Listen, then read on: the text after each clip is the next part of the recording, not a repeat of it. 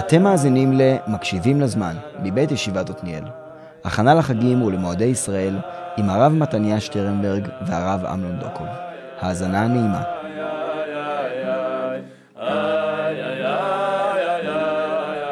שלום הרב מתניה.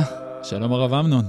אנחנו עומדים לפני uh, תשעה באב, יום חורבן בית המקדש, שמעמיד אותנו מול uh, אחד הדברים אולי הכי נשגבים, הכי עמוקים, הגעגועים למקדש, שבאמת בתשעה באב ככה ממלאים את כל היום. בעצם הם נמצאים לנו גם בשגרת היומיום שלנו, אנחנו פוגשים אותם בתפילות, אנחנו פוגשים אותם בעוד הרבה מנהגי אבלות שקיימים uh, בשגרה, אבל תשעה באב באמת שם אותם במוקד.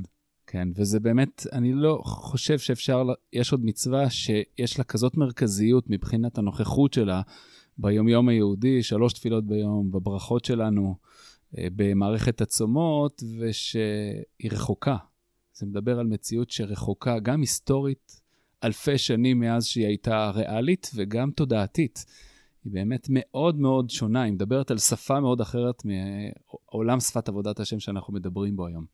אתה אומר בעצם שיש משהו בתשעה באב, בשונה אולי ממועדים אחרים, שהוא נותן מלכתחילה איזשהו אתגר. כלומר, זה לא רק להתעסק ב, במעשים של היום, בהנהגות של היום, אלא עצם המכוונות ליום דורשת איזושהי תשומת לב. כן, זה, אם, אם אנחנו מדברים על ההסכת שלנו, אנחנו קוראים לו מקשיבים לזמן, אז פה זו הקשבה מאתגרת במיוחד. כל הקשבה לזמן היא מזמינה אותך לצאת ממקומך.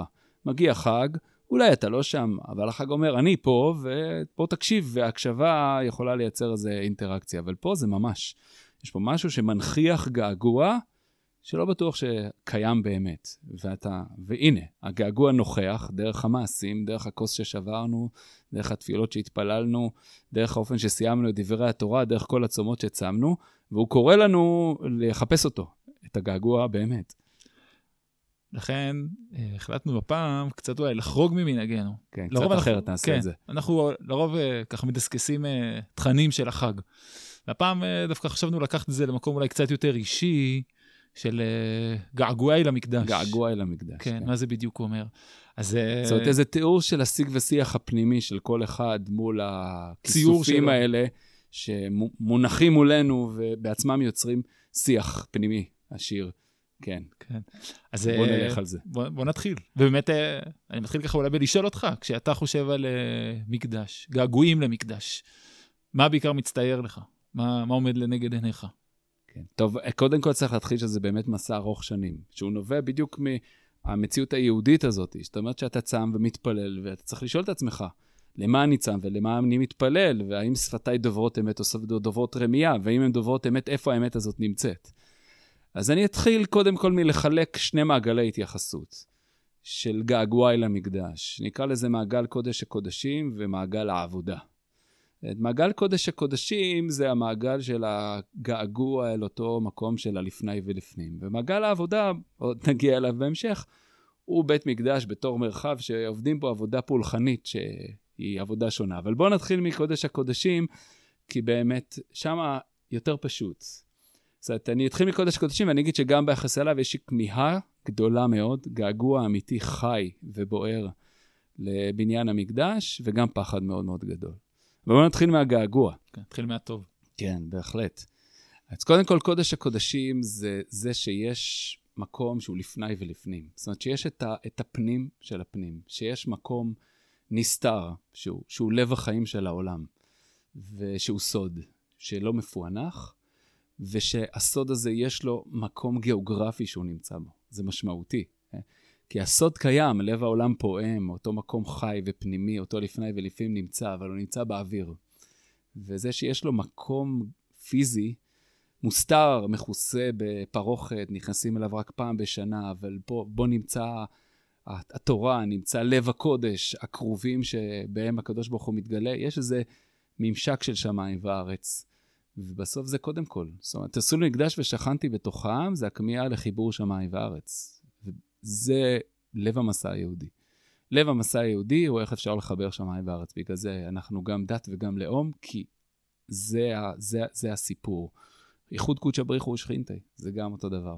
שכינה גולה, אין חיבור בין שמיים לארץ, בין הארצי על כל היבטיו הממשיים, הגיאוגרפיים והפיזיים, לבין מרחבי אינסוף קדושה זה זה. קדושה זה כשהנשגב נוגע ב, ב, בסופי, האינסופי נוגע בסופי, זה כאילו המקום שבו מתבטאת קדושה. ובעצם כל uh, כיסופי העולם נמצאים במקום הזה. נקודת הייחוד, ייחוד קודשא בריך ושכינתה. יש מקום שבו מתגלה שיכול להיות אחד.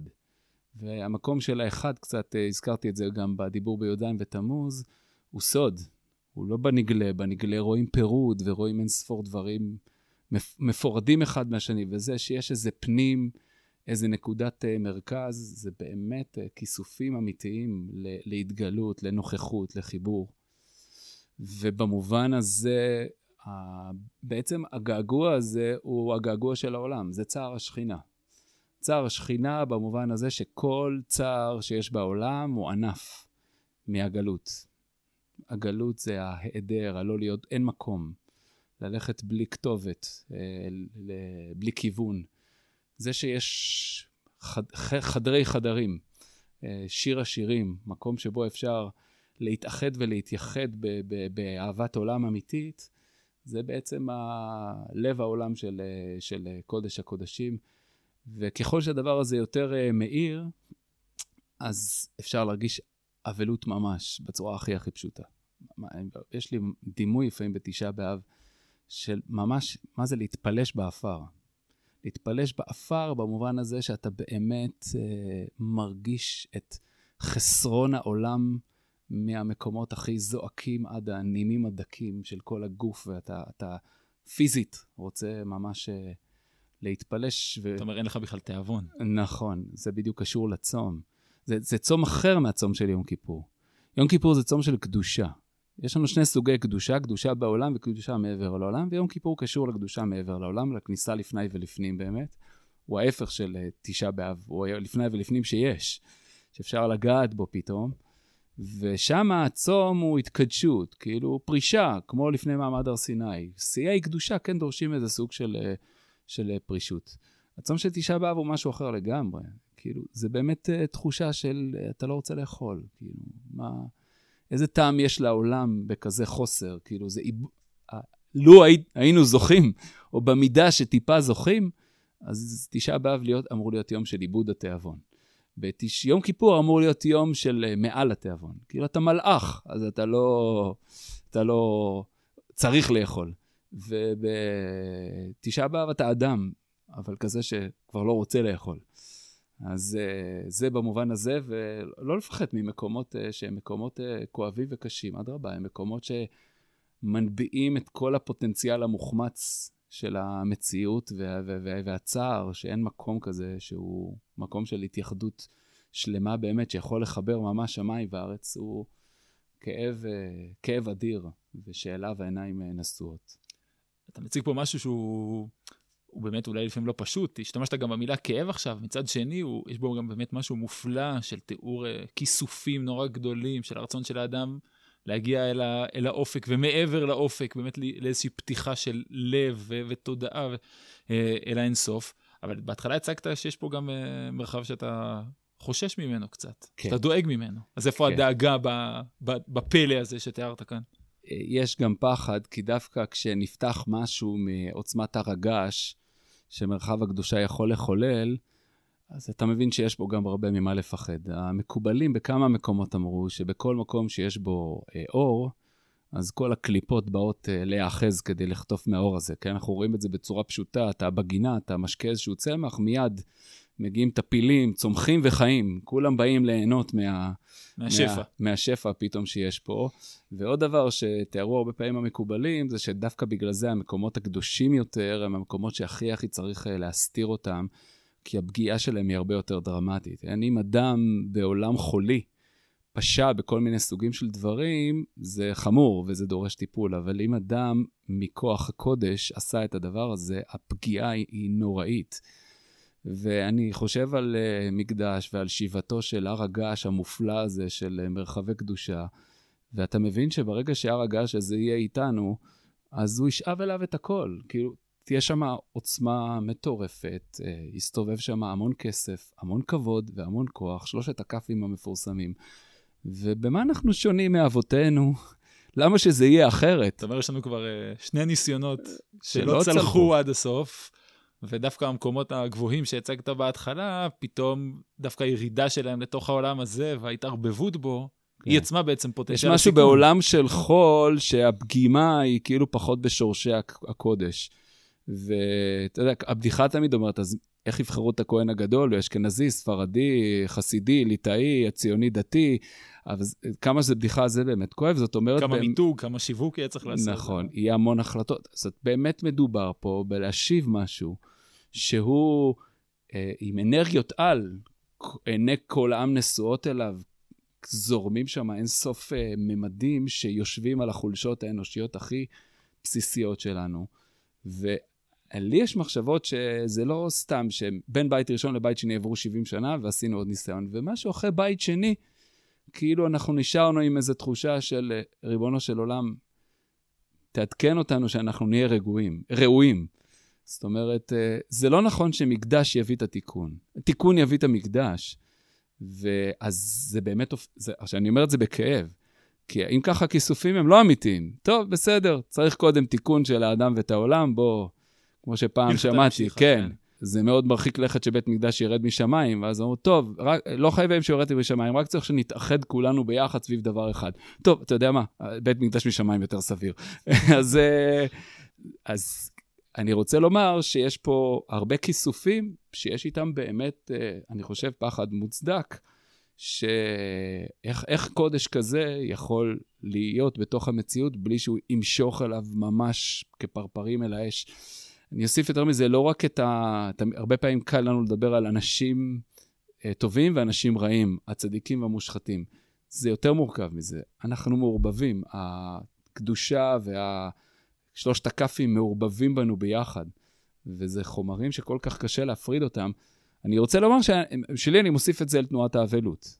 ותנועת האבלות היא כיסופים על uh, התגלות מחודשת של uh, מרחבי הקדושה הפנימיים והעמוקים ביותר, אבל גם פחד מהם, וכאילו תפילה לקדוש ברוך הוא.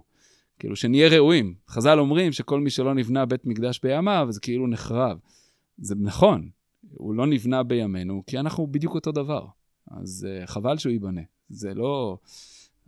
זה, לא, זה לא נעשה מתוך מקום שעניינו הוא uh, דחייה, אלא מתוך צער. זאת אומרת, להכניס את האימה והפחד להיות חלק מתנועת האבלות, חלק מתנועת הכיסופים. זאת אומרת, הצער של מגילת איכה זה על, על המקדש ועלינו. וממילא זה הייחוד, שנהיה במקום שמקדש יכול להיות בו. יכול להיות רלוונטי. כל מה שדיברת עכשיו, באיזשהו מקום אני אגיד, זה עוד, ה... זה עוד החלק ה... שיותר פשוט להבין את הגעגוע אליו. כי לדבר על הלפני ולפנים, על העומקים, זה משהו שהוא, שהוא תמיד נשאר בכמיהה. באיזשהו מקום תמיד נשאר בנשגב, הזכרת קודם, לקודש הקודשים, נכנס בן אדם אחד, פעם בשנה. גם כשיש מקדש, אנחנו עדיין uh, כוספים למקום הזה. דווקא מעניין אותי יותר לשמוע על הדבר השני שהצגת בהתחלה, על, על עבודת המקדש. באיזה מובן שמה אתה מרגיש געגועים, שמה זה חסר, איפה אתה מתאבל על המקום הזה, כי זה מקום שאולי לפעמים קצת יותר מאתגר אותנו ויותר רחוק מאיתנו, מאשר לדבר על הכיסופים העמוקים והחיסרון האנושי המובנה. נכון, אז אתה צודק ממש. אי אפשר רק לברוח אל מרחבי קודש הקודשים כמרחבים סימבוליים או כסוג של גיאוגרפיה של קדושה, בלי לדבר על עבודה שבואו נקרא לה בשם, היא עבודת פולחן, כן? כאילו קורבנות, זה, כן. קורבנות, זה, זה עולם אחר. יצא לי גם לכתוב על זה בעד אמצע מקום שהישיבה הוציאה, וגם מי שרוצה לשמוע, זה שיעור שנקרא געגועי למקדש. אני אגיד אבל עכשיו בקצרה, שאין ספק שזו השפה מאוד מאוד אחרת של עבודת השם, והרבה פעמים אנחנו אומרים, נראה לנו שהבעיה היא רק עבודת הקורבנות, במובן התחושה המוסרית ששוחטים משהו, אבל תנסו לחשוב, האם זה היה מנחות נגיד, זה כן היה בסדר? זה באמת לא מובן לנו. צריך איך... להסביר, כן? כלומר, מנחות זה גם בסוף אתה לוקח, מניף, מניח, יש כן. הזעות, יש, יש כל מיני, אפשר לראות, מין פעילויות כאלה. זה בן אדם עם בגדים, עם כל מיני נצנצים, והוא עולה על, המגדע, על המזבח ושם בכל מיני פינות, זה כל מיני פעולות שבאמת...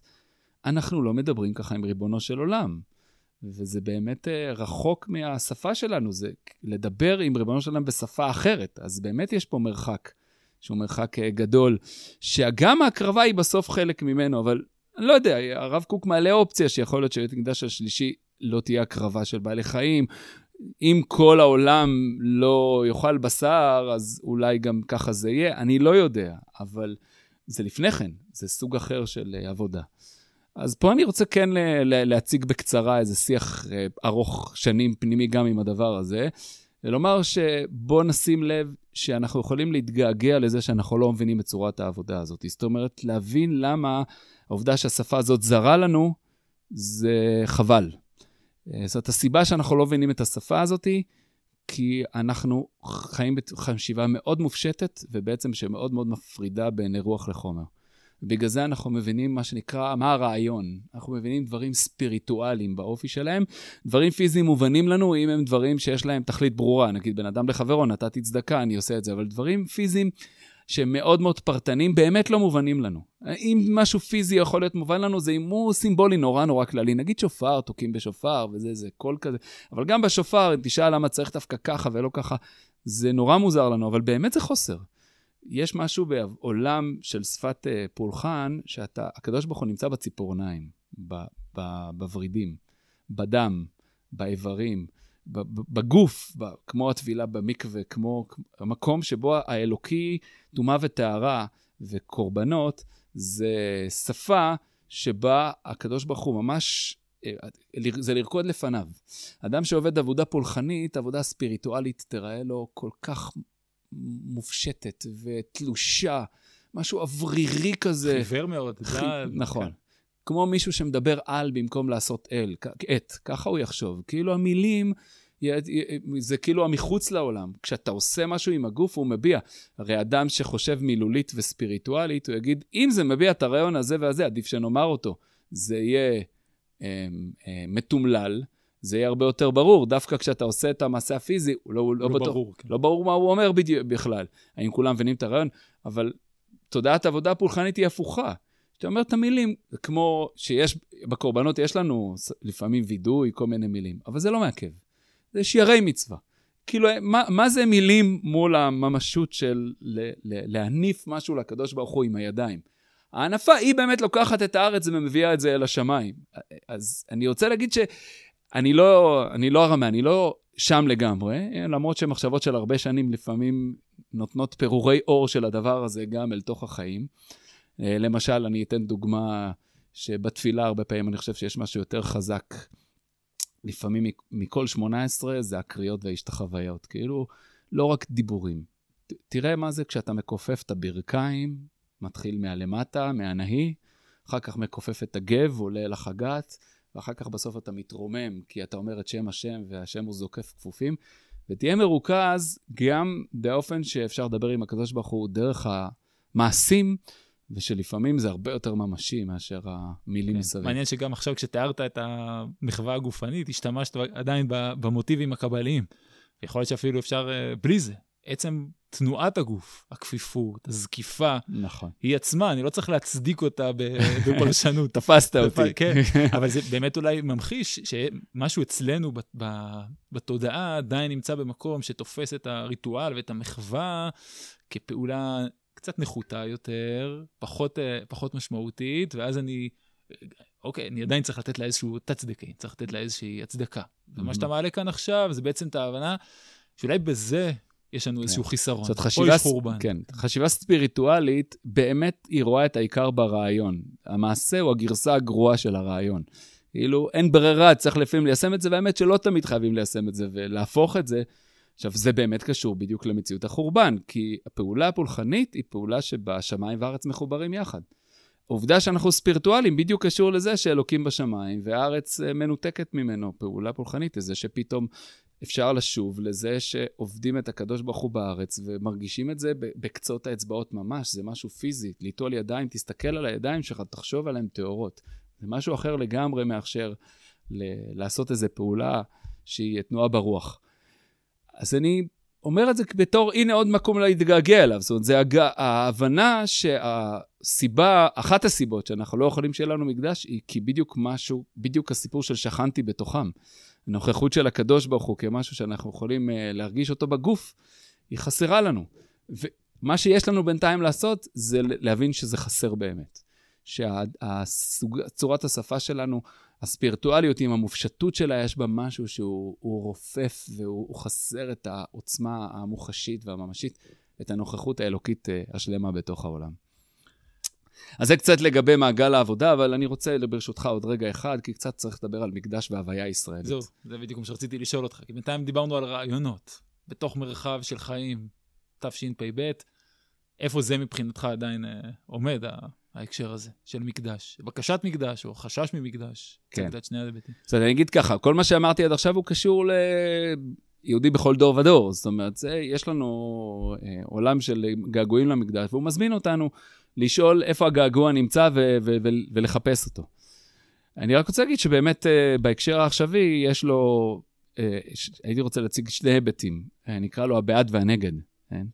הבעד זה שאני uh, רוצה קצת לצאת פה נגד קולות של uh, שבנו למדינת ישראל, זה כפיות טובה, הכרת הטוב לקדוש ברוך הוא, וכאילו האבלות היא כבר לא כמו פעם.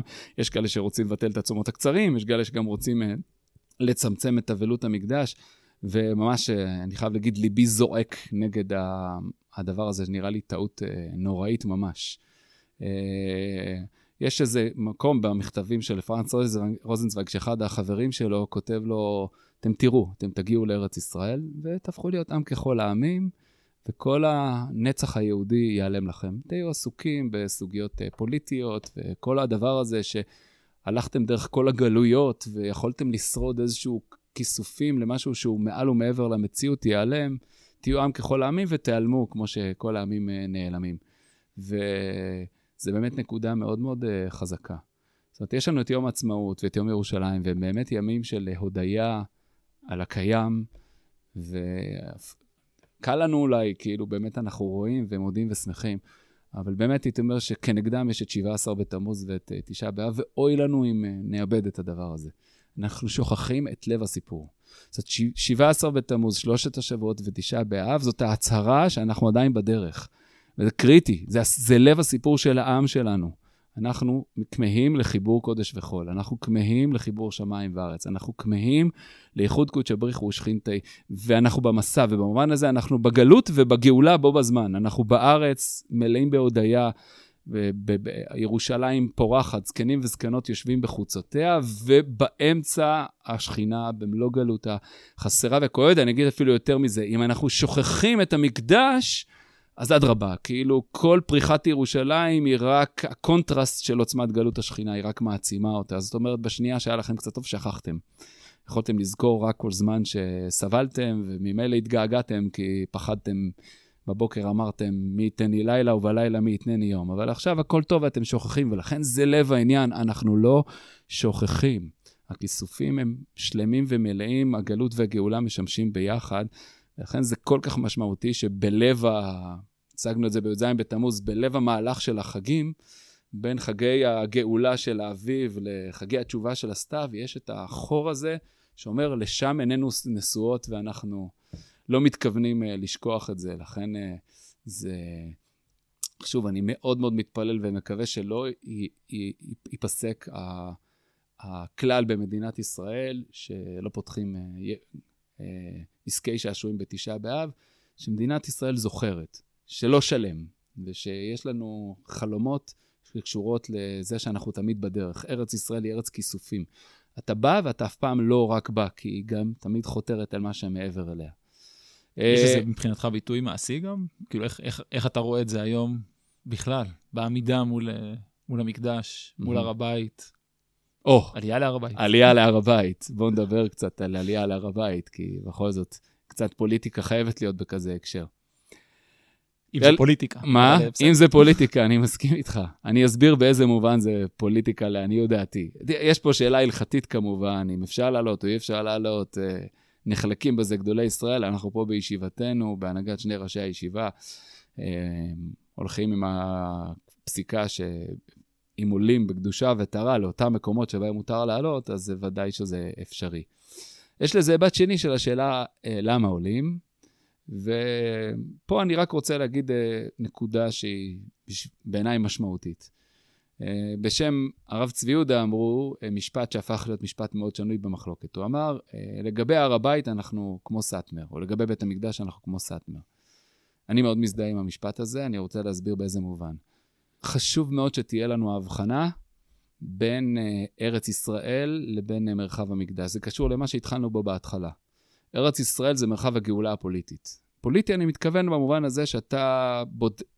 עובד בתוך מרחב האפשרויות הארציות.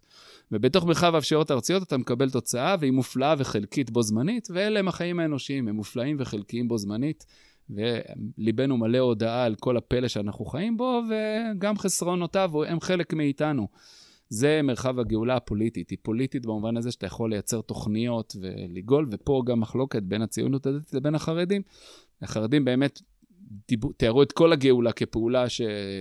כאילו, אם תאירו ותראו את האהבה שתחפש, זה צריך לקרות איפשהו באחרית הימים בצורה שהיא מחוץ לחוקי המשחק המוכרים לנו. הציונות הדתית סברה שזה לא נכון, שיש פעולה של לעלות בהר השם, במובן החיובי של זה, של ל...